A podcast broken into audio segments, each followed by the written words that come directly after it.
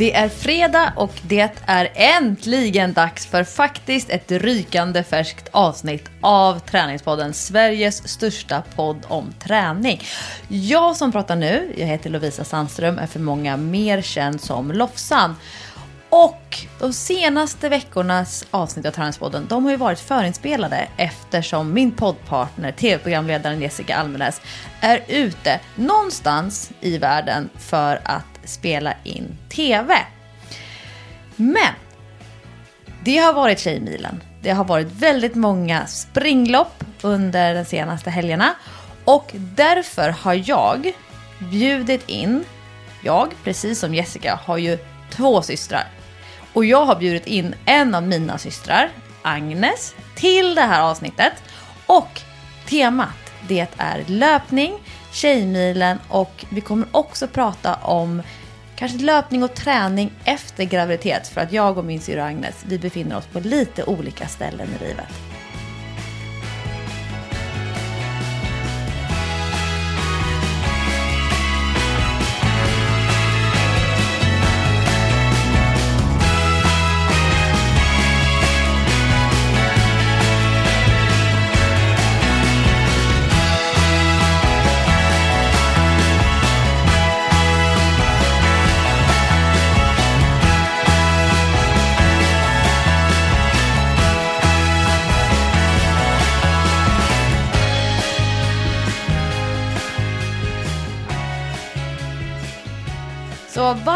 Välkommen Agnes till Träningspodden, premiär. Tack!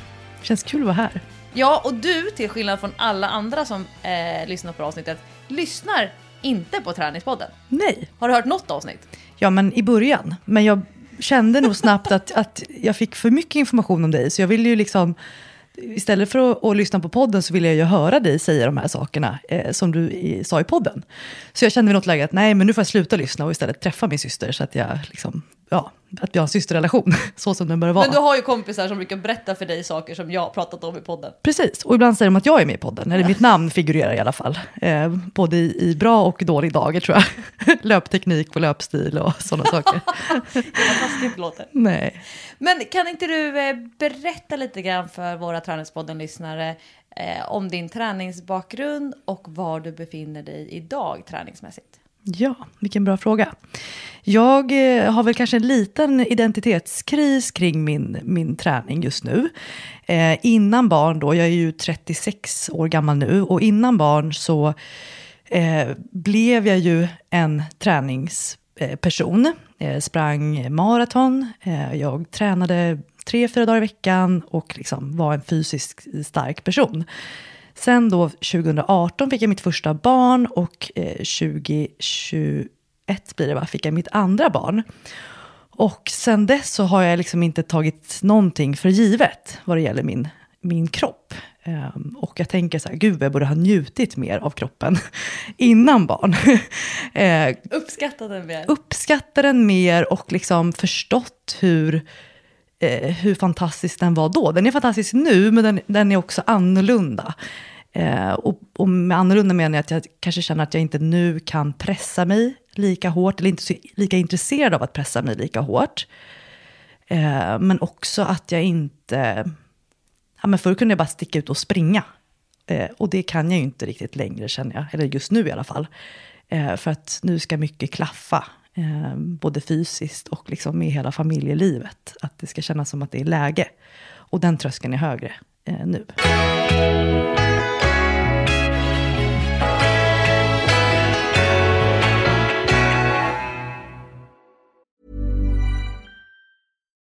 Life is full of what ifs. Some awesome, like what if AI could fold your laundry? And some, well, less awesome, like what if you have unexpected medical costs?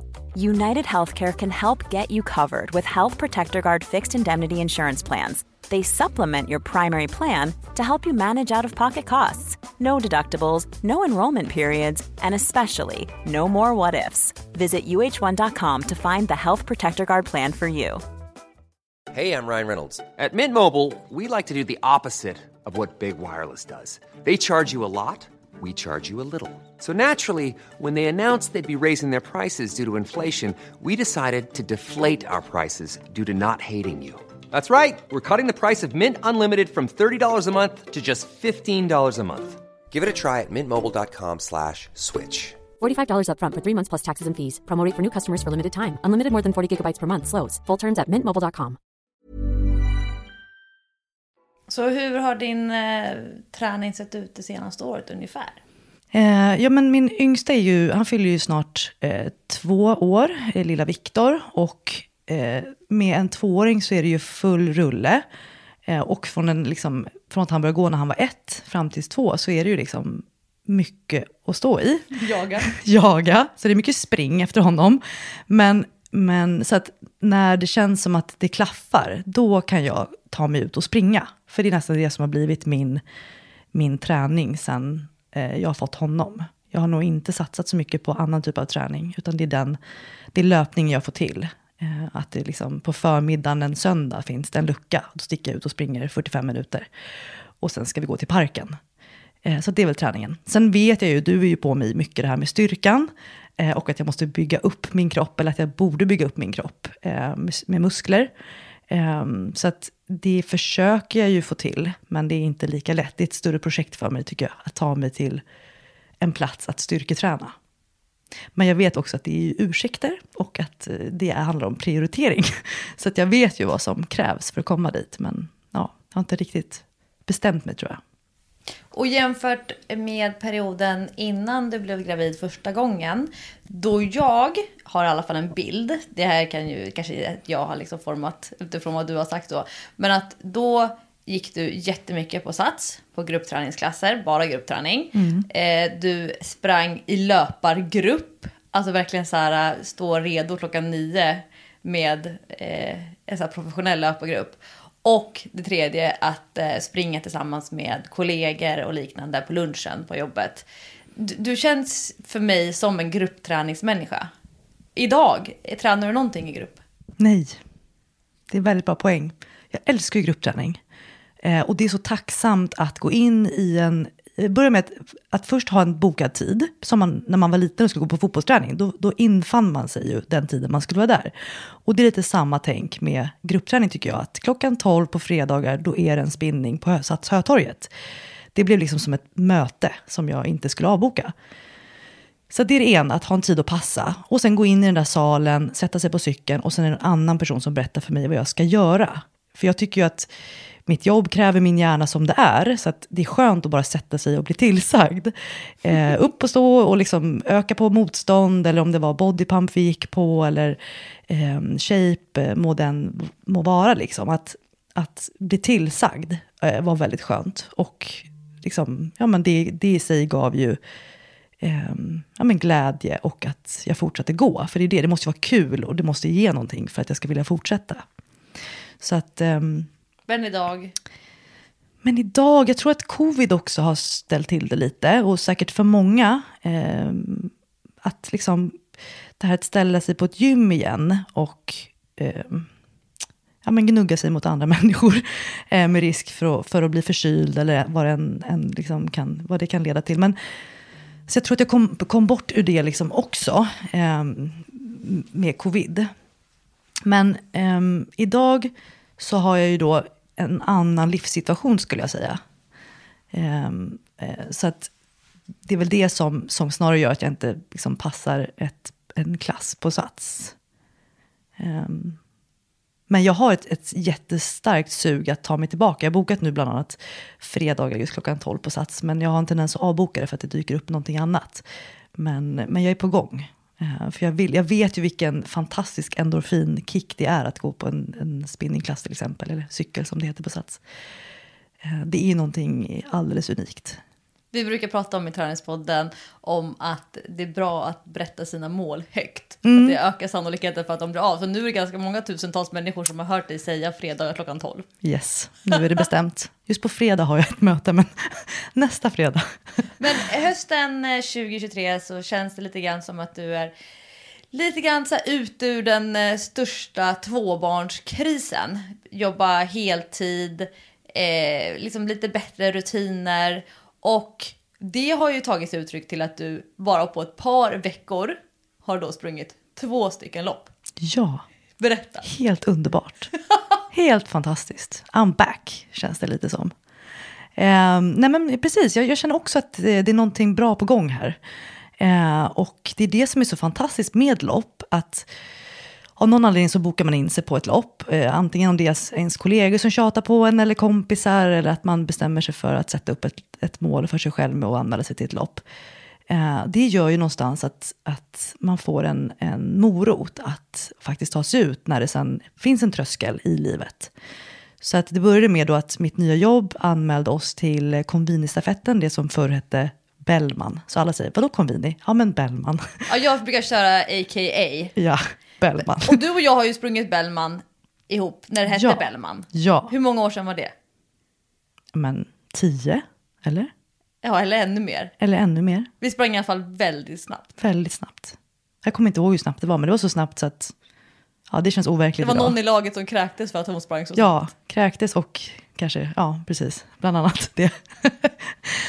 ja, och då hade jag ju inga barn, men det hade ni. Och eh, apropå förstå skillnaden att springa ett sånt lopp väldigt snabbt efter barn kontra innan, det är en annan grej. Så att eh, cred till er eh, retroaktivt. Och det är ett fem kilometers lopp som man springer i lag. Hur många sträckor är det? Precis, vi är ju fem då i varje lag och mitt jobb hade eh, sex lag anmälda. Så det var ju stor uppslutning och då springer man ju med den här stafettpinnen. Och det kanske inte alla tänker på, men man springer då med lång plaststav i handen. Eh, och bara det i sig är ju liksom en grej, att springa no- med någonting i handen som man då ska liksom lämna över till sin kollega. Eh, Så det är ett speciellt lopp eh, och väldigt kul. Men, men eh, alla springer då fem kilometer var. Och den här pinnen ska ju då ta sig runt samma sträcka fem gånger kan man ju säga. Och ehm, Hade ni toppat laget? nej, det var, det var väldigt, eh, jag jobbar ju själv med HR och eh, då pratar vi mycket om inkludering och att det ska inte bli för prestationsorienterat. Så det var mixade lag och det var lottning där sinsemellan. Så det kändes väldigt skonsamt. Jag vet att jobbet har någon gång kommit på tredje plats eh, på hela liksom, tävlingen, men då var det toppat just. Eh, och det är de stolta över, så det, och det ska de vara. Men vi vann inte i år, ska jag säga. inte mitt lag. Och hur kändes det att stå på startlinjen igen efter ganska många års frånvaro för den typen av prestationsinriktad fysisk aktivitet?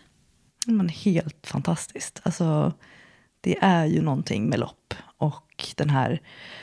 Det jag alltid slås av är att människor prioriterar en sån här sak i sitt liv. Tar sig dit och, och byter om och, och liksom engagerar sig. Och det är så mycket som ska till för att man ska vara där den där tiden. Och, och bara liksom hela arrangemanget, också kopplat till Tjejmilen, att det är en annan arrangör som har tagit på sig att styra upp det här så att det, det blir möjligt. Och det har vi inte haft under covid. Så att det är jag också så tacksam för att det finns eldsjälar som drar igång det på nytt när det har varit så långa uppehåll. Um, så att det, det är väl um, um, någonting jag slogs av. Så att det är alltid en liten uppvärmning där i början och då är det hög musik och alltså då får jag den här uh, adrenalinpåslaget och ett lyckorus som jag inte får någon annan gång. Alltså att jag känner att jag lever och, och jag kan springa, så nu ska jag springa. Så det är väldigt, ja, det är, en, det är en skön känsla som jag hoppas att många får, får uppleva. Och under eh, det här fem kilometers loppet då för dig, hur kändes din kropp? Bättre än, än vad jag någonsin hade kunnat tro. Ehm, det finns ju orosmoment eh, att sätta igång och springa igen efter barn. Eh, och mycket som ska klaffa med min kropp. Eh, så, att, så att jag tar den, som jag sa i början, inte för givet. Så när jag börjar springa iväg den där första kilometern framför allt, när man ska känna hur allting känns. Allt från hur skosnörena är liksom knutna till vilka tights jag valde, till hur känns liksom steget, hållet, eh, eh, knipet. Liksom. Allt det där ska ju klaffa. Um, men så efter den där första kilometern kände jag att wow, det här, det här går ju vägen. Och liksom hittade tillbaka till min gamla, min gamla erfarenhet ändå, som finns i min kropp ju utifrån att jag har sprungit många lopp. Då. Jag har ju sprungit eh, nio maraton innan barn eh, och eh, några färre eh, kortdistanslopp. Men det här att kroppen så här, ja, men den nycklade i det gamla. Och så gick det bra. Och sen så hade jag ett, du brukar ju prata om guld, silver och bronsmål med, med mig. Och då hade jag ett guldmål då som var eh, runt 25. Eh, silver var väl under 30. Och brons var liksom att klara hela distansen någonstans. Och hade jag pratat med dig om de här målen hade du sagt att jag hade kunnat skruva upp dem lite tror jag. De var lite försiktiga, vilket är typiskt mig. Um, men det gjorde ju då också att jag, för jag ville, mål, det ena målet var ju bara att, att genomföra det. Att vara där den där onsdagskvällen och tycka att det var kul att springa. Det var, liksom, det var väl bronset då. Eh, vilket jag tycker är ett bra mål eh, faktiskt. Eh, och sen då, Numera kanske? numera. Du hade kanske inte tagit det målet som ett seriöst mål för sju, åtta år sedan? Nej, precis.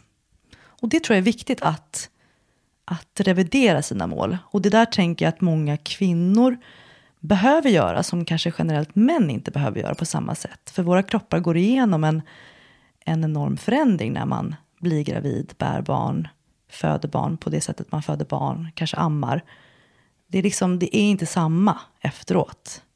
Eh, och att få vara snäll mot sig själv i den liksom, nya målsättningen. Att här, jag behöver inte vara där jag var för sju år sedan, men jag kan få bli det igen såklart. För det är inte omöjligt, det har jag ju sett på dig, att man kan liksom formtoppa till och med efter barn. Och det har jag hört många göra för att man får en helt annan, man får en annan kropp. Det kan ju du eh, liksom berätta mer om. Men jag har förstått att det, det kommer kanske en urkraft i många. Eh, som om man bara kan använda den på rätt sätt så kan man få ut ännu större effekt eh, av sin träning. Men det här var ju en onsdag kväll sa du. Och Ja. du hörde av dig till mig och så var du typ lyrisk. Verkligen där, I'm back. Och så sprang du ett eget pass. Var det dagen efter eller var det Till helgen var det. ja, några dagar senare? Och så var du på något core-pass. Du hade kört något, något 30 minuters styrka, kanske var på Ja, precis. Mm. Och sen så hörde du av dig till mig och bara åh, jag har så ont i ryggen. du fick sån boost. Ja, Så du bara, du körde på. ja.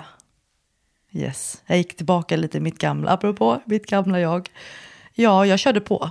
Precis. Och sen så fick jag jätteont i framförallt ländryggen.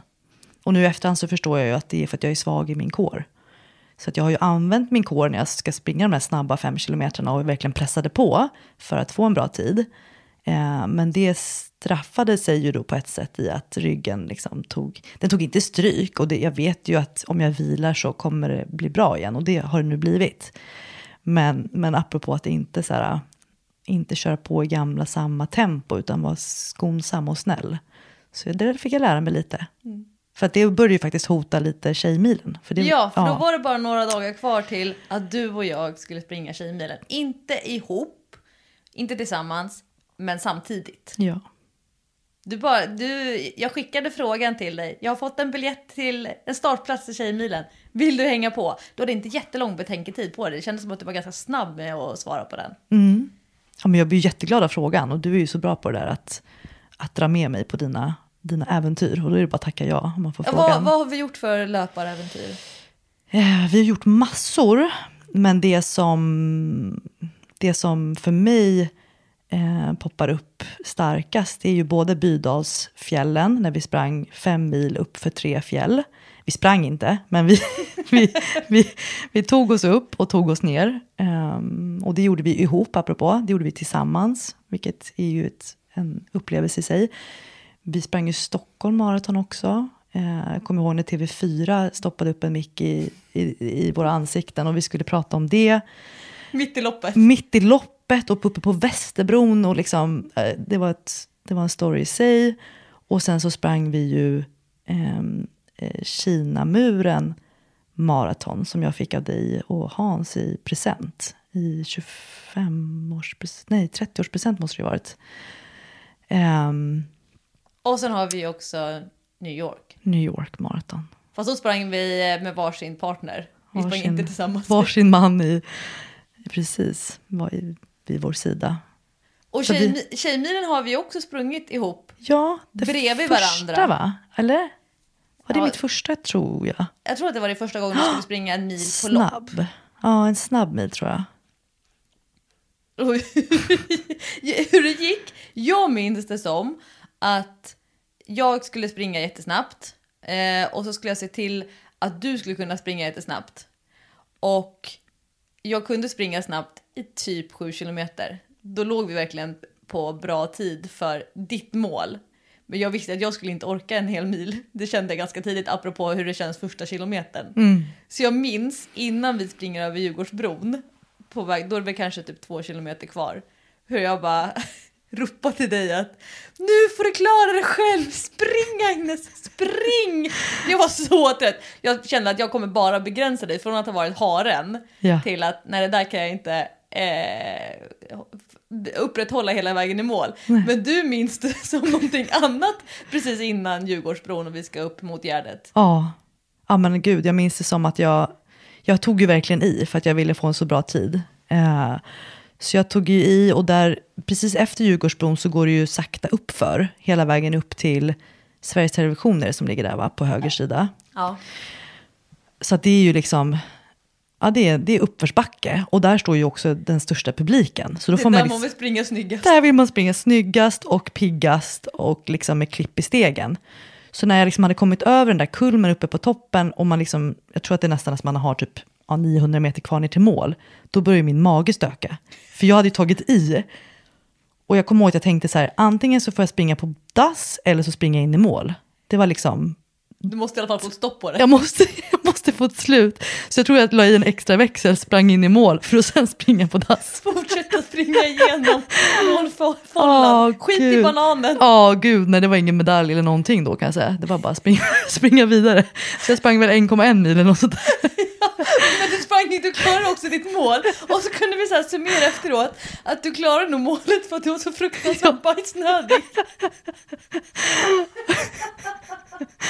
Precis så, exakt. Här har vi inga, här har vi inga filter. exakt. Nej men exakt, och då fick jag ju en jättebra tid. Nu minns jag inte vad den, om det blev, något säger med typ 48 minuter, men jag kan inte, det är kanske någon som kan kolla upp det, men, men jag tror att det blev 48 minuter. Så det var ju en otrolig eh, tid då, tyckte jag. Eh. Har du det som en eh, referens, eh, alltså dina gamla tider? Är det någonting som du så här känner att du vill, att du hela tiden jämför med? För jag har ju hamnat efter då mitt tjejbilen, häromdagen som du och jag sprang. Så har jag beslutat mig för att eh, dra ett streck över alla gamla tider. Så nu har jag liksom gjort en omstart. Så mitt Tjejmilen 2023, det är min nya snabbaste miltid. Jag har liksom gjort en omstart. Men hur, går du och bär på dina gamla siffror som referensramar för vad som är good enough?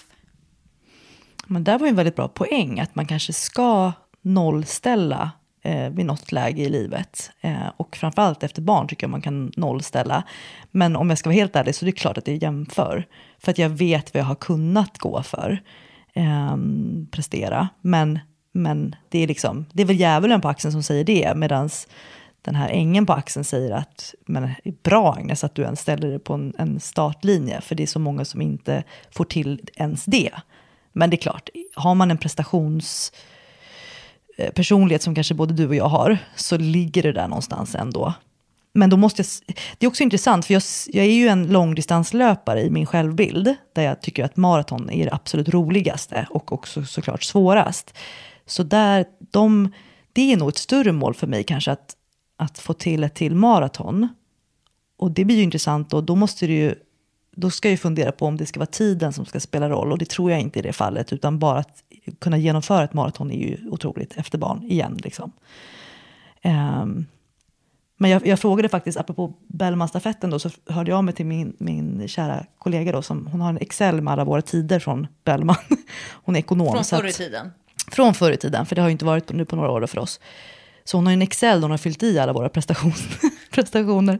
Så då frågade jag just så här, vad, vad är min bästa tid? Och då svarade hon och skrev att det var, om det var strax under 22 eller något sånt där. Ehm, så att hon har ju koll. Men, och den här gången sprang jag ju då på 20, nu blandade jag ihop det med Tjejmilen, men nu blev det på 24 minuter. Tror jag det blev på Bellman, eller på Convini då, stafetten. Jo men absolut, så det är klart att man inte glömmer bort de där gamla tiderna. Vilket och man kanske tjej, borde. Tjejmilen 2023 då? Var, var befann du dig mentalt när du anlände till Gärdet och startområdet? Ehm, ja, men glad över att få kunna komma dit igen. Eh, att liksom en lördag förmiddag ta mig ut till, till Radiohuset eh, är det väl egentligen det man tar sikte på för att hämta ut sin nummerlapp. Um, apropå också så här, livet innan barn och, och livet efter barn. Det är så mycket som ska klaffa eh, inför ett lopp. Det är inte bara att ta sig till, till målet, utan det är ju att ta sig till starten ens. Stora projektet. Ja, det är det stora projektet. Har man liksom fått sova på natten, är barnen friska? Liksom, du pratar mycket om setup i träning. Eh, att man ska ha en bra setup för att kunna göra det där liksom, lyftet eller loppet eller vad det än må vara. Så att setupen är ju mycket mer avancerad skulle jag säga som, som liksom en medlem i en familj. Eh, så det är ju en, en välsignelse att ens familj släpper iväg en lördag förmiddag. Det är ju någonting alla då ska ställa upp på.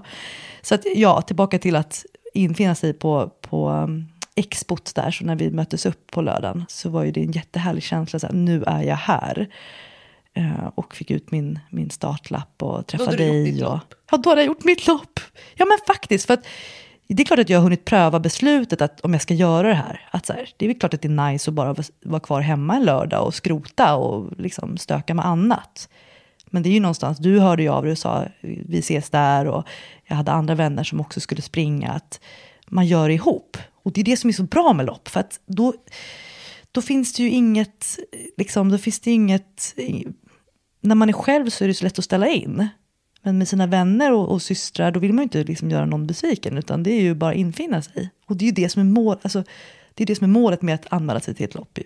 Ja, för det här pratade du och jag ganska mycket om när vi gick runt och så här insöp atmosfären, Tjejmilen-atmosfären. Och då har inte du och jag sprungit Tjejmilen på ganska många år, så vi visste inte hur det var pre-pandemi, de sista, sista åren innan pandemin. Och sen så gick vi ju runt och så försökte bedöma, men hur, är det här mycket eller lite folk, antalet utställare, hur mycket publik är det? Att vi gick och funderade över och försökte göra någon sån här eh, modern nulägesanalys. Och sen så hamnar vi ändå i en ganska så här, djup filosofisk fråga som handlar om så här, men varför springer man lopp? Alltså, allt ifrån varför man eh, går in på en hemsida och registrerar sig, man betalar anmälningsavgiften, eh, varför man, va, vad är det egentligen man gör när man springer ett lopp? Vad tänker du som, eh, eh du med din HR-bakgrund, eh, eller att vara en god människokännare. Vad säger du om människors drivkraft till att anmäla sig och sedan genomföra ett lopp? Det är en jättebra fråga och jag blir lite fascinerad över att det är så många människor som, som gör det här en lördag i livet. Hur många sa du som, hur många var det som men var det typ 30 000 kanske? 30 000. Men, det finns ju både sägningar som är att det här är världens största könssepara- könsseparatistiska lopp. Någon säger att det här är Nordens största idrottsevenemang. Och då ska man veta att samtidigt så var det ju Helsingborg maraton. Det var något eh, lopp uppe i Sala. Eh, det eh, kanske var något midnattslopp någonstans. Eh, vad var det mer för och det var Ö till Ö som ju är en sån här crazy eh, spring och simlopp. Det var ju liksom en väldigt stor lopphelg som var. Det var väldigt många tusen människor som tävlade med nummerlapp samtidigt runt om i landet. Helt fantastiskt. Du går igång på det? Ja, ja men alltså jag blir glad. Alltså att, att människor prioriterar det här och, och att det ger dem glädje. Så jag är ju mer, jag går nog mer som en observatör tror jag, lite i, i, i där på expot och, och funderar på att här är människor som har tagit sig hit, apropå att liksom hitta en bra setup. De har ju, vi hörde ju liksom folk som pratar finska och eh, liksom folk som hade rest med resväskor med, med liksom tåg. Och, jag menar, otroligt engagemang för att springa en mil som de egentligen hade kunnat gjort precis utanför dörren där de bor. Vad är det som gör att den här motivationen är så pass stark så att man fullföljer det? Och det gör mig motiverad och, och också inspirerad för att själv fortsätta. Att, liksom, när jag prövar det här beslutet, hmm, ska jag gå och springa på Tjejmilen på lördag? Ja, men det är klart du ska göra det, för att andra gör det. Eh, och för att vi kan. Jag tänker i den tiden vi lever i, att vi har möjlighet i Sverige att, att springa ett lopp för att vi vill. Alltså snackar vi på liksom toppen av Maslows behovstrappa, vi kan springa ett lopp en lördag för att vi vill det. Och det, då ska vi väl göra det på något sätt. Eh, ja, jag tänker att det är, en, det är en fin grej att vi har den möjligheten. Och att man har sin hälsa. Det, det, det är också någonting jag inte tar för givet nu för tiden. Att, att vi är friska och kan springa. Så att många tankar kring, kring det. Och jag fick ju den här, liksom, även på Tjejmilen, otroliga endorfinpåslaget när, när det var ju väldigt fin uppvärmning. Jag vet inte vad du kände. Eh. jag stod längst fram och var, var, var lite stingslig. Ja, ja, för du var ju första startgruppen. Och det är då, också så här... då hade inte uppvärmningstjejerna lärt sig i sekvensen än. Så det var lite förvirrat där. De, de var sex stycken. Två på varje podie och så var det tre podie och så var det en som hade mikrofonen och eh, kunde koreografin och de andra fem så här, jag tror att de lärde sig för varje startgrupp som flyttade fram men det var lite förvirrat.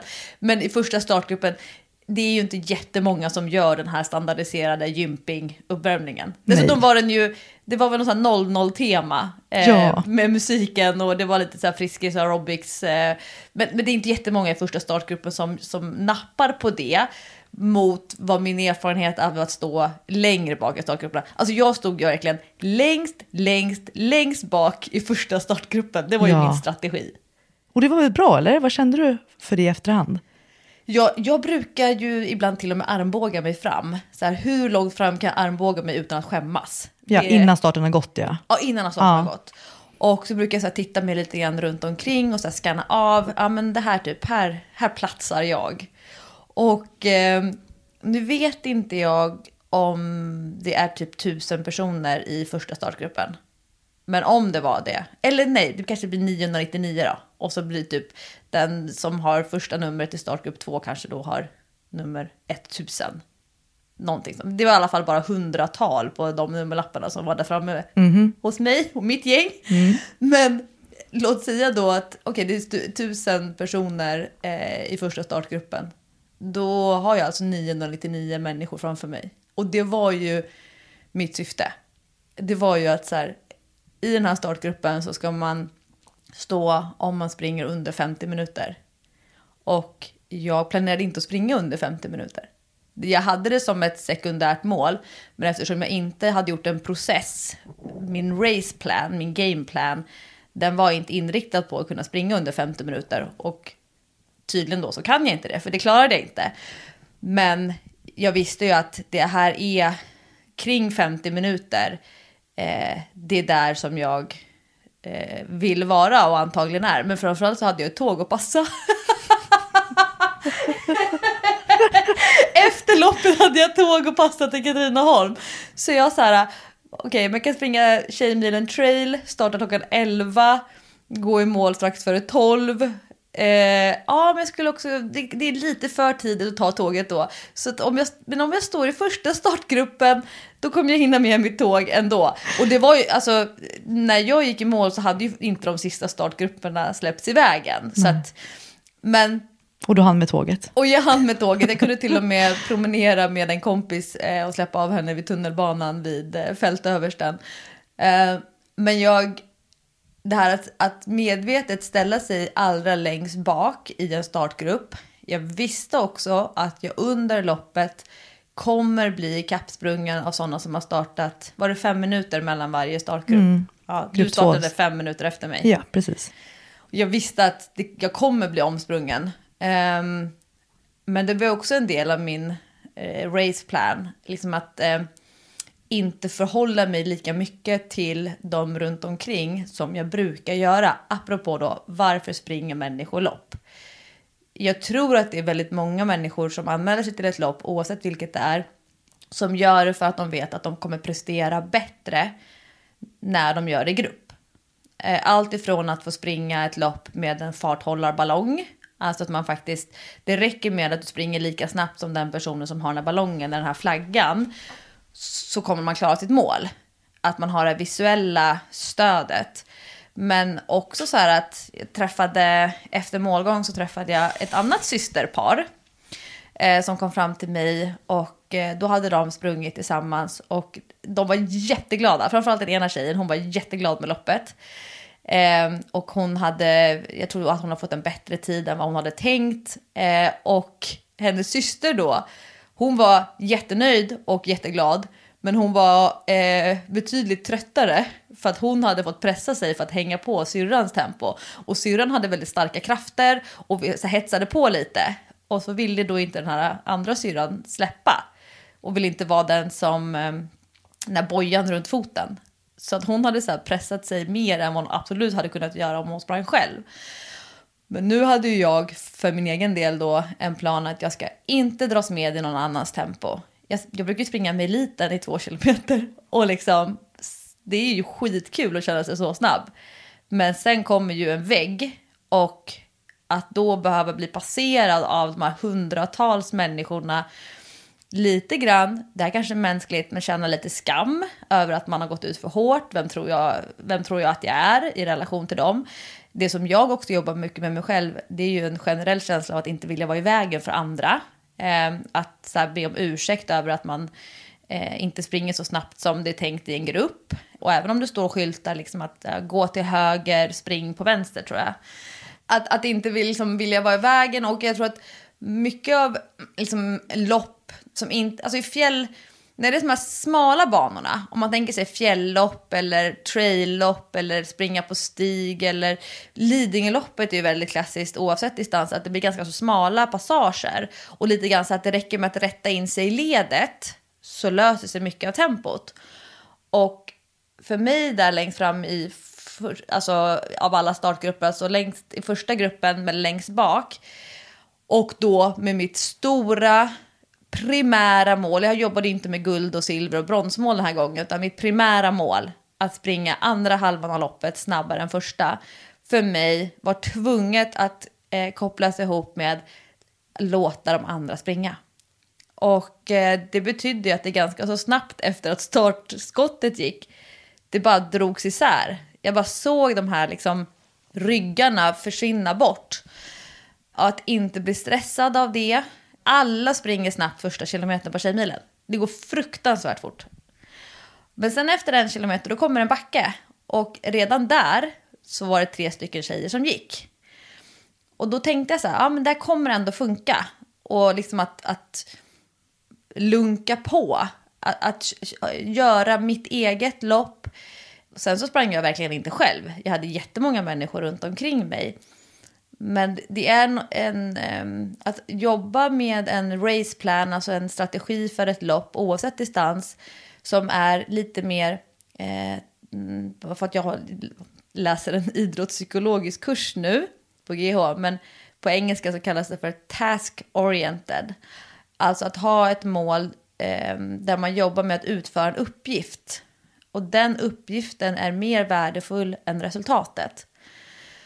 Och vill man jobba med mer liksom uppgiftsbaserad eh, träning eller tävling då, då måste man välja bort andra delar. Och det är ju väldigt nyttigt, tror jag. Hjärnan är plastisk, vi kan lära oss nya saker, vi kan omvärdera oss själva, omdefiniera oss själva. Eh, och jag som alltid har sagt att ah, men jag är en sån som går ut stenhårt, jag har alltid hybris, eh, jag orkar aldrig hela vägen eh, in i mål med kvalitet. Att jag sa, nej men vänta nu Lovisa, nu omprövar vi den sanningen. Går det att göra någonting annorlunda? Hur i så fall? Vad behöver du göra annorlunda? Vilka förberedelser behöver du ha? Och när det hettar till, som då första kilometern på Tjejmilen, att stanna kvar i känslan. Och det var jättesvårt men också väldigt nyttigt.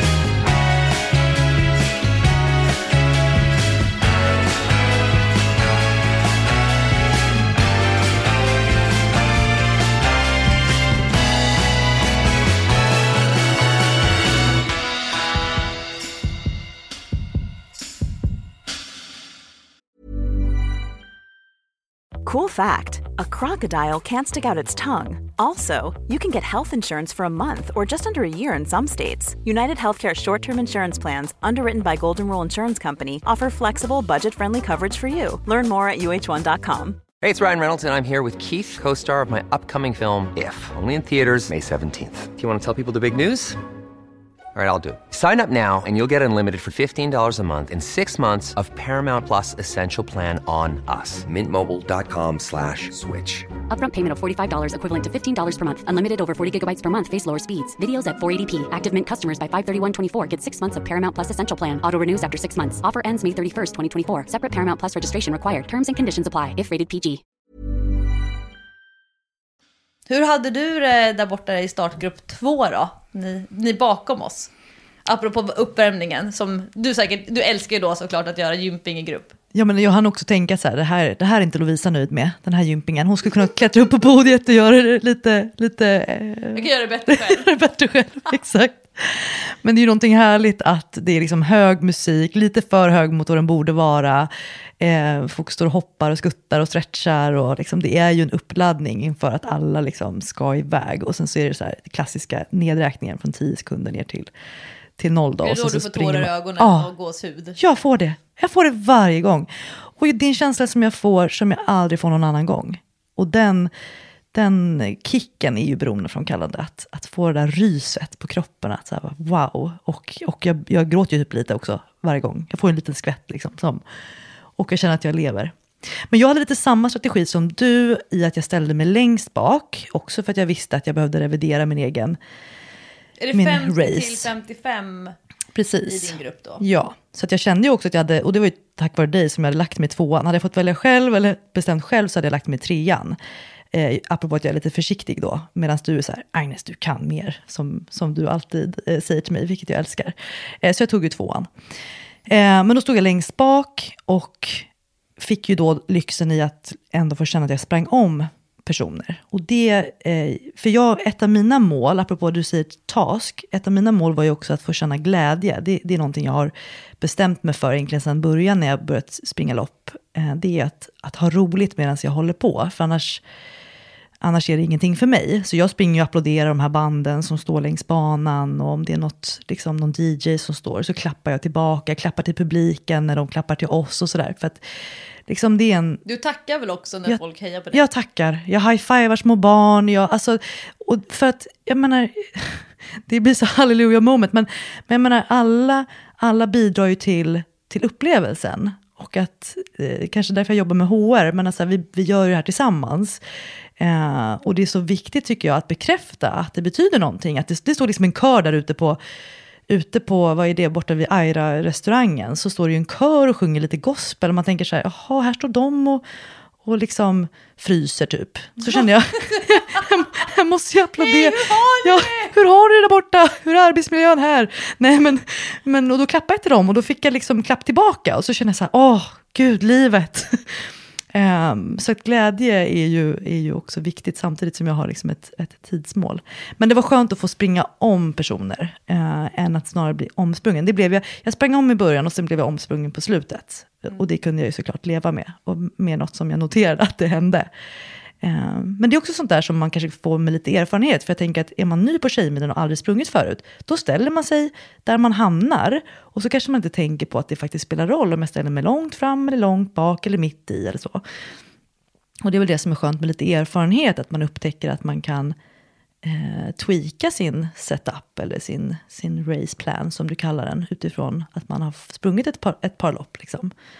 Ehm, så att, ehm, jag tror att jag hade ett bra, ett bra upplägg.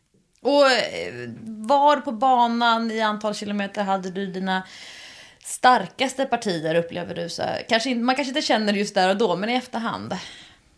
Ja, precis, för det är ju jobbigt konstant. Vad var det Det- längsta du hade sprungit efter graviditeten? Eh, Alltså, eller postgravid. Vad var det längsta du hade sprungit innan Tjejmilen? 9,8 kilometer. och det var liksom för, förra helgen. Så att var din formtoppning. det var min formtoppning. Och då var det mer så här, åh herregud, jag måste ha sprungit 10 kilometer så att jag vet att jag kan det innan Tjejmilen. Så det blev ju också en morot i sig då, att ha en Tjejmil inbokad gjorde ju då att jag tog mig ut den där andra milen då som jag, som jag fick till innan. Så att det var det längsta jag hade, Ehm, jag hade sprungit innan. Nej men det är ju jobbigt under hela loppet och det tror jag det är även för de som är super liksom, eh, vältränade och vana att springa. För att alla pressar ju sig utifrån sin egen form. Så att jobbigt rent fysiskt och framförallt flåset är det ju längs hela banan.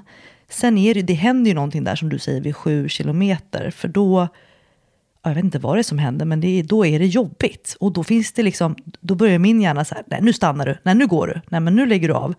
Och sen andra som säger, nej nu kör du på, nu bara lite till och så pulsen Inre är... förhandlingen. Ja, om det är.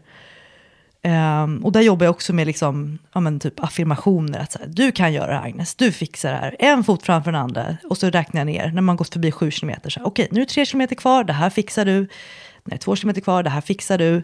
Ehm, så att det är ju liksom, det är jobbigt hela vägen. Men jag ska också säga att sen kommer den där Djurgårdsbron och sen kommer publiken. Och där är det ju svinjobbigt för att då har man ju sprungit nio kilometer. Och så är det uppför, uppför, uppför. Och det är uppför och det är liksom publik. Och så visste jag att min lilla familj stod där och hejade. Så jag letade efter dem som en, som en galning.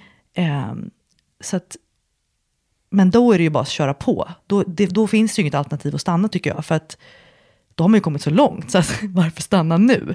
Men liksom rent fysiskt så skulle ju kroppen vilja stanna. Ehm, Men du visade mig ett filmklipp innan starten. ja, Ehm, och jag brukar säga i, så här, när man gör sina tyngsta lyft i styrketräning. If it looks pretty, it ain't your max. Och så visade du, och det har jag ju pratat med dig om och med många människor om i många år. Men du visade ett filmklipp på, vad, är- vad är vilket land är de kommer ifrån? Är de danska eller norska? norska. En tjej som sätter, är det no, norskt rekord? Nej, jag tror det var world record. 14 och någonting sprang hon på. På fem kilometer. På fem kilometer.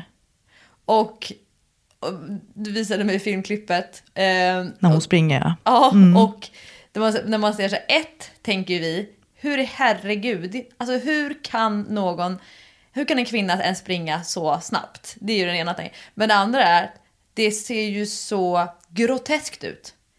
Alltså det, man ser ju, det här är ju en gränslös löpning som sker. Alltså, Alltså hon är ju skitsnygg när hon springer, alltså hon. Men sen förstår man att kroppen går ju igenom någonting groteskt. Ja. Rent, ja. och liksom det här slitet Ja. som hon plockar fram. Mm, hon pressar sig. Ja, och vi så vanliga motionärer, eh, när vi springer våra lopp och, och ska pressa oss, vi, liksom, vi är ju lite mer tillknäppta, vi är liksom lite mer, eh, det som är vårt jobbiga är ju fortfarande ganska så bekvämt för oss. Oh, ja. Vi har ju lite, lite tydligare gränser. Ja. Ehm, men hur mycket Eh, tänkte du på din löpteknik under hela den här milen? I vissa partier har man ju många som tittar på en. Då brukar det vara mänskligt att man sträcker på sig och gör sitt lite så här, som man vet är liksom att springa snyggt. Men hur, hur mycket tänkte du själv på löptekniken under loppet? Jag borde nog ha tänkt på den mer och det tror jag också har att göra med, med min, min form just nu, då, min träningsform. Eh, och det är ju att nu handlade det snarare om att ta mig igenom så gott det gick. Medan jag i förr då kunde vara mycket mer fokuserad på eh, löptekniken. Det här med liksom armpendling, bål, eh, liksom blicken i uppförsbacken eh, Eh, sänkta axlar. Jag har för sig att jag har ju koll på det, så jag kanske gjorde det utan att tänka på det. Men jag kan tänka mig att det såg inte så vackert ut utifrån. Ganska släpande stil tror jag att jag hade den här milen. Eh, det var liksom inte samma studs som det har varit förr. Ehm, så att den, den går att jobba på, kan jag känna. Sen vet, vet ju jag att jag har en ganska, utifrån sett så ser nog inte min, löp, min löpteknik så, så rätt ut om man skulle liksom tänka ur så här teknikstudieperspektiv. Det här har jag pratat om i. Jag vet, jag vet. Det, det är några som har berättat att det har nämnts. Du är Eh, snabbare än vad man kan tro. än vad man kan tro. Och jag är ju 1,61 lång va? och då så säger ju alla som får höra att jag har sprungit maraton, så säger, men vadå, du har ingen löparkropp. då säger jag, det har jag visst det, för jag har sprungit maraton. Eh, liksom maratonkropp då. Ja, men jag har ju sprungit maraton. Så att jag har ju en maratonkropp kropp, uppenbarligen. Och det kan man ju fascineras över när man springer den här loppen, att människor ser ju ut hur som helst. Och de kommer runt, för de har hittat sitt sätt. Det kan vara att man liksom rullar fram på ena foten eller höften går först eller axeln är lite sned. Men banne mig, de tar sig runt den där milen Så att det viktiga är ju någonstans, kanske inte tycker jag då, själva tekniken, utan att de faktiskt genomför det på sitt sätt. För vi vet ju också att det är så många som inte gör sånt här. Folk har så mycket hyss och hinder för sig. Och det är inte det som ska styra om man ställer, upp, ställer sig på en startlinje, utan det viktiga är att folk kommer dit och gör, tänker jag. Med tanke på att folk sitter så mycket stilla och liksom inte har aktivitet i sina liv. Så att, jag menar, börjar man prata teknik, det är liksom, där har vi också, apropå Maslows behovstrappa, det är högst upp. Tekniken, att du bara gör en mil och det ser ut som skit, ja men det är bra. Så det, det där var, jag var nog på bottenplattan i Maslows behovstrappa på tekniksidan den här, det här året. Men nästa år är ett annat år. Några dagar innan Tjejmilen så var jag på Activitus. Du och jag älskar ju tester Ja. och vi älskar ju data. Ja. Och eh, nu när vi sitter och spelar in podden så har ju du en ring eh, runt fingret som jag, jag brukar alltid säga ovo. Aura, Ja, jag brukar säga ovo-ring, men det är det ju inte. Mm. Aura En ring. Or- Aura ring. ja. Eh, som är som, den, vad är det den mäter? Puls? Precis, det är en finsk eh, uppfinning har jag förstått, eh, som mäter eh, temperatur, puls, eh, sömn, syresättning. Ja, den predicerar mens, den, ja, men den gör allt. Du behöver inte tänka någonting. Jag behöver inte tänka någonting. Den berättar hur jag sover, den berättar hur jag rör mig. Ja, Ja, men eh, du, och jag gillar ju eh, sådana här små twister och du, och, eh, du använder Runkeeper-appen som berättar alla dina rekord för dig och hur mycket du springer och sådär. Och jag har ju sedan några år tillbaka jobbat ju mycket med min Apple Watch och fitnessappen i eh, mobilen. Men då var jag på Activitus och så gjorde jag konditionstester. Och då Eh, dels så fick jag veta, alltså det var jätteintressant och jag tänkte att du ska också gå och göra det här nu så att du får det så här bra inför din vinter, gärna. träningsvinter. Men då Johan Hasselmark, eh, som han heter, som min, min testledare då, som gjorde mina tester på Activitus, han eh, gav ju mig lite så här data, för jag ville verkligen ha så här hands-on. Vad ska jag göra på Tjejmilen? Typ frågetecken. Och då, då hade han så här, bra, då sa han så här, ja men Lucia, du har kondition, din syreupptagning, ditt VO2 max, det är för 45 till 46 minuter på milen. Men, så kom det där menet. Jag bara, mm, okej, tell me. Då berättade han att jag har väldigt bra kondition, men jag är inte tillräckligt löptränad. Alltså min lokala kapacitet i benen är inte tillräckligt hög. Eh, jag behöver jobba mer med mitt löpsteg igen, för jag har varit lite slarvig i flera år och coachar mer andra i löpteknik än vad jag jobbar med mitt eget eh, löpsteg. Eh, och så han sa att, så att du kommer inte eh, klara av att springa milen i, ja, i över, övermorgon som det då var på den tiden. Men framförallt inte om du då ska ha den här negativa splitten. Men då sa han att ja, eh, du skulle kunna springa milen på fem minuters tempo, alltså fem minuter per kilometer och ligga och tugga på det. Det kommer bli jobbigt. Eh, men det kan du med stor sannolikhet klara av. Men vill du ha din negativa split, för det var ju det som jag verkligen så jag förklarade hela min löparkarriär, min konditionskarriär och min träningsprofil. Hur jag liksom är den här, inte bäst på något, men väldigt bra på det mesta. Eh, och då sa han så ja ah, men Lovisa, eh, lägg dig på 5.20 tempo. 5 minuter och 20 sekunder per kilometer. Eh, första halvan. Och sen kan du inte göra bara en switch och springa betydligt snabbare från ett steg till ett annat utan du kommer antagligen behöva bygga på tempot så att du liksom kommer ner då till det här fem minuters tempot som din kropp faktiskt kan hålla. Och eh, så, så, så sa han också, och det här var så himla bra, och sa han så här, jag ser ju att du är en väldigt stark löpare. Och eh, jag kan tänka mig att du aldrig får ont av att springa och du kan springa jättemånga timmar utan att det känns liksom tungt någonstans. Och så du sa ja, nej men jag får i princip aldrig ont efter ett löppass. Oj, det antog jag säger Siri. Eh, att du aldrig får, jag får ju aldrig ont även om du och jag har sprungit liksom flera timmar i fjällen så det är inte så att jag får någon slags specifik verk någonstans. Men, så sa han så, men den här starka löptekniken som du har nu när du ska prestera ditt bästa på de här konditionstesterna. Det är inte en effektiv teknik för dig som är så rädd för att få håll. För det är ju min stora rädsla. Och du och jag när vi har sprungit, alltså att få håll när man springer med, med någon annan, det är ju så pissigt. Pulsen är inte jättehög eh, man tycker att man kan mycket bättre och så måste man ändå gå och försöka hålla armarna uppe i himlen för att eh, hållen ska släppa. Och då fick jag med mig så här bra pyttesmå grejer som, liksom ska, ge- som för mig då skulle kunna vara betydelsefulla för att minska risken för håll. Och då fokuserar jag på en sak då, apropå det här med löptekniken under loppet. Han sa att för att du ska slippa känna att du blir så trött i vissa strukturer, för det, vissa blir väldigt trötta i knäna, det är en typ av struktur, ländryggen en annan. Eh, någon kanske får upp i axlarna eller ja, men den struktur som blir tröttast först, det är den som då antagligen kommer börja göra ont. Och eh, för mig då, när jag får håll, då kan jag ju få håll under bakom nyckelbenet. Mycket märkligt, det är, men vissa känner ju igen det jättetydligt. Eller så får jag håll nere på insidan av nedre revbenet. Jag får sällan håll liksom nere i, i magmusklerna eller nere vid livmodern som en del kan få. Och då fick jag ett tekniktips eh, från honom som vi också tränade på på löpbandet. Men då var jag ju så himla trött efter de här konditionstesterna.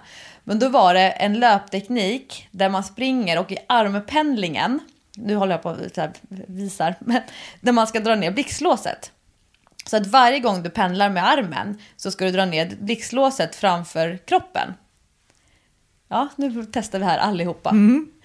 Och det blev mitt eh, teknikmantra.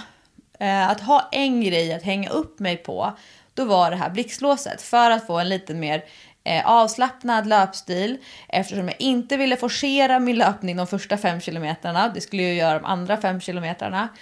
Och jag märkte att när jag började zooma ut och tänka på annat, då glömde jag där ner blixtlåset.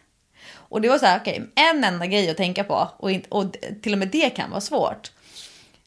Um, men det som var kul då, nu ska jag ta fram mina anteckningar, för nu är ju alla nyfikna på den här negativa splitten. Hur det gick. Och då ska jag säga er att om man gick, när jag går in och kollar på Tjejmilens officiella resultat, då har jag den första fem kilometern sprungit på 26 minuter och 34 sekunder. Det är alltså 5 minuter och 19 sekunder per kilometer. Exakt det Johan sa att jag skulle lägga mig på. Snyggt. Och då kollade jag inte ens på klockan för det. Utan jag, eh, han tittade på mina data och så sa han att 5.20 det är den här pulsen. Så då gick jag mer på pulsen än på vad klockan visade för distans. Just det. Och han sa någonting med 170 va, på dig? Var det så? Ja, exakt. Eh, upp till max 177, men det visste jag med min erfarenhet att jag inte kunde. Men 170 sa han, där har du din eh, tröskel. Coolt. Mm. Och min andra fem kilometer då. 24 minuter och 8 sekunder. Så det är alltså över två minuter snabbare på andra fem kilometern. 4 minuter och 49 sekunder per kilometer. Eh, 12,4 kilometer i timmen. Och om det nu skulle vara så att jag startade som nummer 999 eller någonting sånt. Då tog jag mig från 999 till placering 755 på 5 kilometer. Alltså vid 5 kilometers placeringen var jag nummer 755. Och i mål placering 430. Så typ 500 pers har Sprang jag om? sprungit om. Wow! Och det här är jag det mest nöjda med då, eftersom vi jobbar väldigt mycket med att jämföra sig med andra. Det är att jag blev omsprungen av två personer. Hon som kom, var snabbast i din startgrupp, startgrupp 2.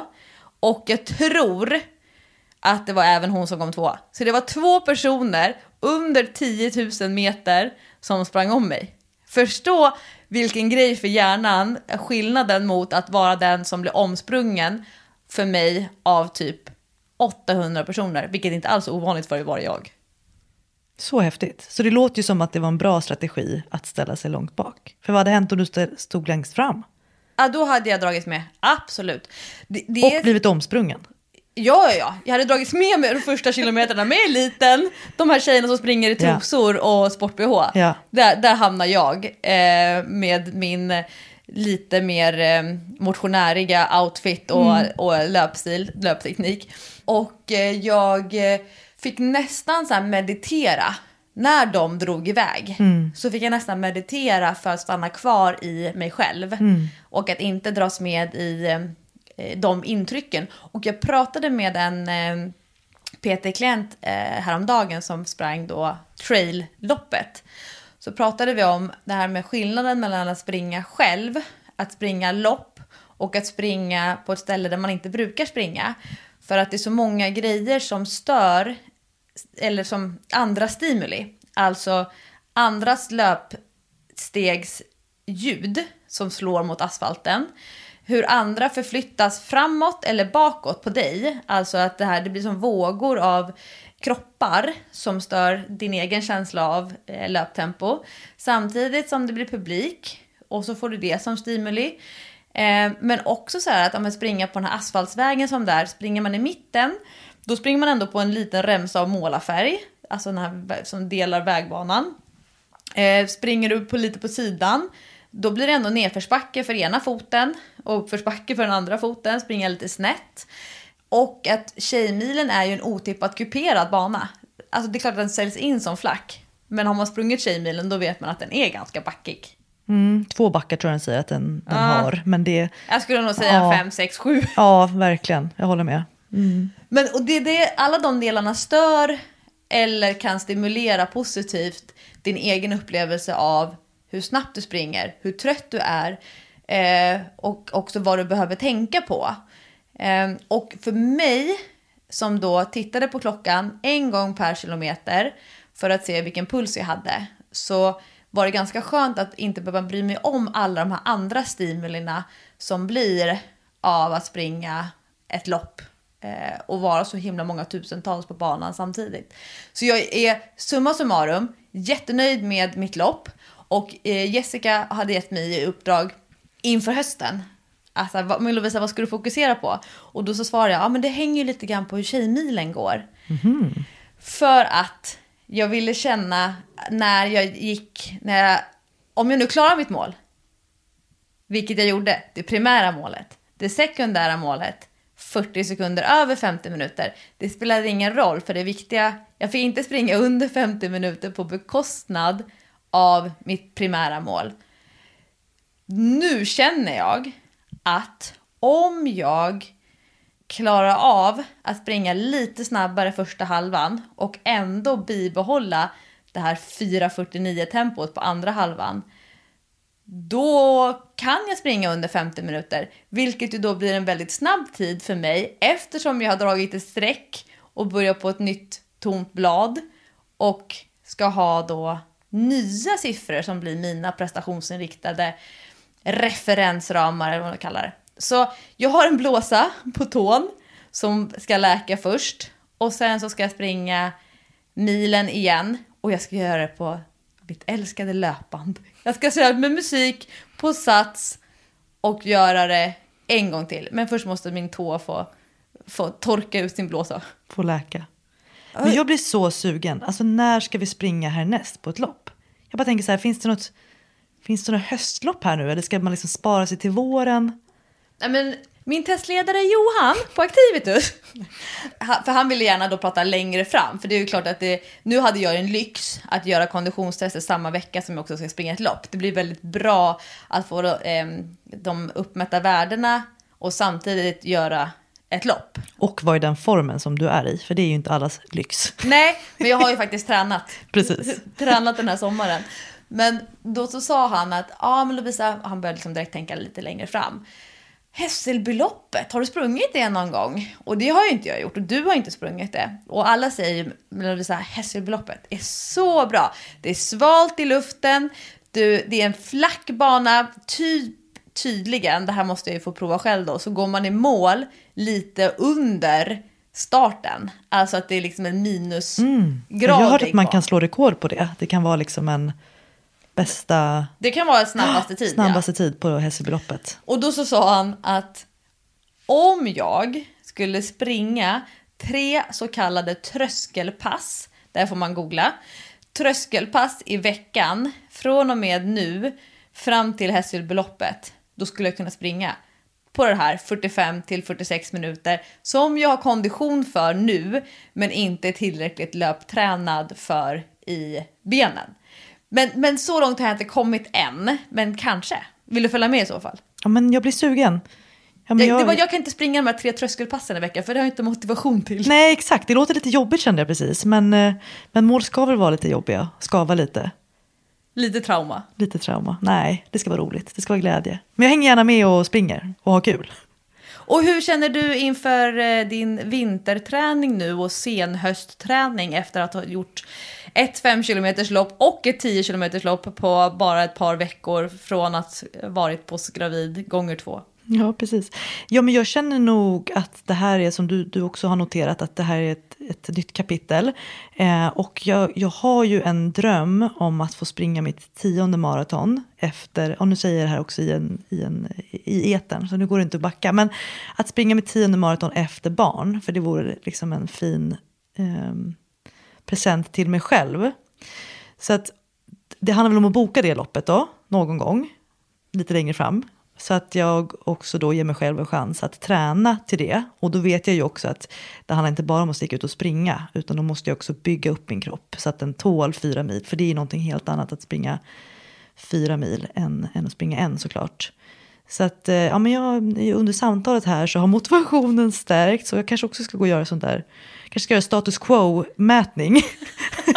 Ground zero-mätning och som sen bara kan bli men bättre. Du, nu sätt, lägger du dig själv där nere igen. Nej men, ja, men, nej, men mer nystartsmätning då, så kan vi kalla den. Eh, så liksom, ehm, ja. Och Kommer sen- du kunna springa, alltså löpträna i en sån här professionell löpargrupp igen? Kan du se dig där eh, inom en framtid? Eller det var då, på den tiden? Det var ju fantastiskt att kunna springa de här grupperna. För att där, apropå att här, när man springer med andra så springer man lite snabbare än vad man annars hade gjort själv. Eh, och det är väldigt trevlig stämning och bra coacher och så. Så det är klart att jag menar, det är ju som att gå på en konsert eller det är ju, det är en, det är ju, det är ju en aktivitet. låter som min det är en hobby. Det blir som aha, du tycker inte om det. Det är en hobby. Jo, jag älskar ju att leda de grupperna, men jag Ja. har svårt att se att min eh, prestationsådra klarar av eh, att springa i grupp. Ja, du är väldigt bra ledare av de här grupperna. Så jag kanske ska gå med i din grupp, din löpargrupp. Eh, Men som svar på frågan, jo absolut. Och vi har, vi har jättefint via jobbet att man kan gå på sådana på fredagar och så. Så att, jag menar, tröskeln är ju egentligen obefintlig. Det är bara att jag ska bestämma mig. Ehm, Så att, ehm, ja, men det låter som att jag har satt en plan här för, vad säger du, hösten och Det blir en bra vintern. terapitimme för Ja, dig. verkligen. Ja, jag ska börja träna igen. Och eh, du som då inte lyssnar på Träningspodden, men som lyssnar väldigt mycket på mig. Eh, vad har du för träningstips inför höst och vinter till eh, alla människor där ute? Vi brukar ibland prata om att jag har mina referensramar för hur människor bör göra si och göra så, hur de ska tänka och hur de ska resonera. Så, kan du påminna mig om så här, ja men Lovisa, du får tänka på den vanliga människan. Och du är ju på många sätt den vanliga människan, men du är ju också amazing med tanke på liksom, det som du har åstadkommit med jobb och utbildning och träning och familj och så vidare. Men liksom, vad skulle du säga som tips till den vanliga människan? Vad, kan, ett framgångsfaktor eller en motivationsfaktor eller vad, vad tror du är grejen? Ja, det är en stor fråga. För att jag tror att, jag tror att varken du eller jag kan ha oss själva som referensram. För jag tror att vi har genetiska förutsättningar som gör att vi kan springa långt och, och utan att det, det kostar så, så mycket på oss eller för Tro, oss. trots att du har sprungit maraton på vad då? Tre och...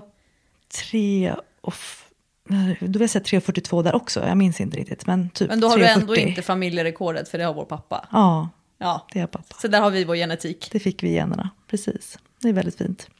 Men så att om vi inte har oss själva som referensram så tror jag att folk har väldigt mycket, eller människor har mycket hyss för sig. Där man tror att man ska vara tränad för att börja träna. Man ska träna upp sig inför någonting annat som man ska börja träna. Eh, man är väldigt mån om vilka träningskläder man har på sig när man ska gå och träna. Och det handlar ju egentligen bara om att komma ut och börja göra.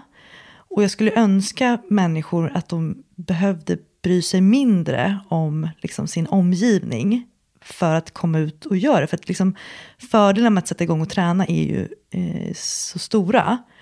Eh, men jag tror att många har blockeringar kring det där. Så att om det innebär att man bara liksom börjar jogga nere på sin, på sin lilla gata i, där man bor.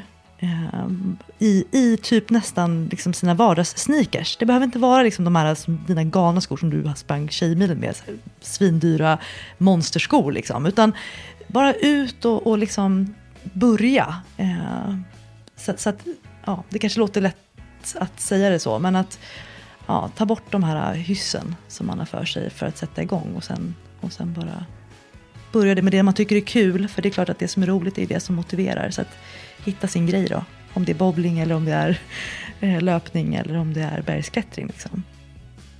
Så det är väl mitt. Tips till den vanliga människan. Ja, bara börja. Bara börja. Ja.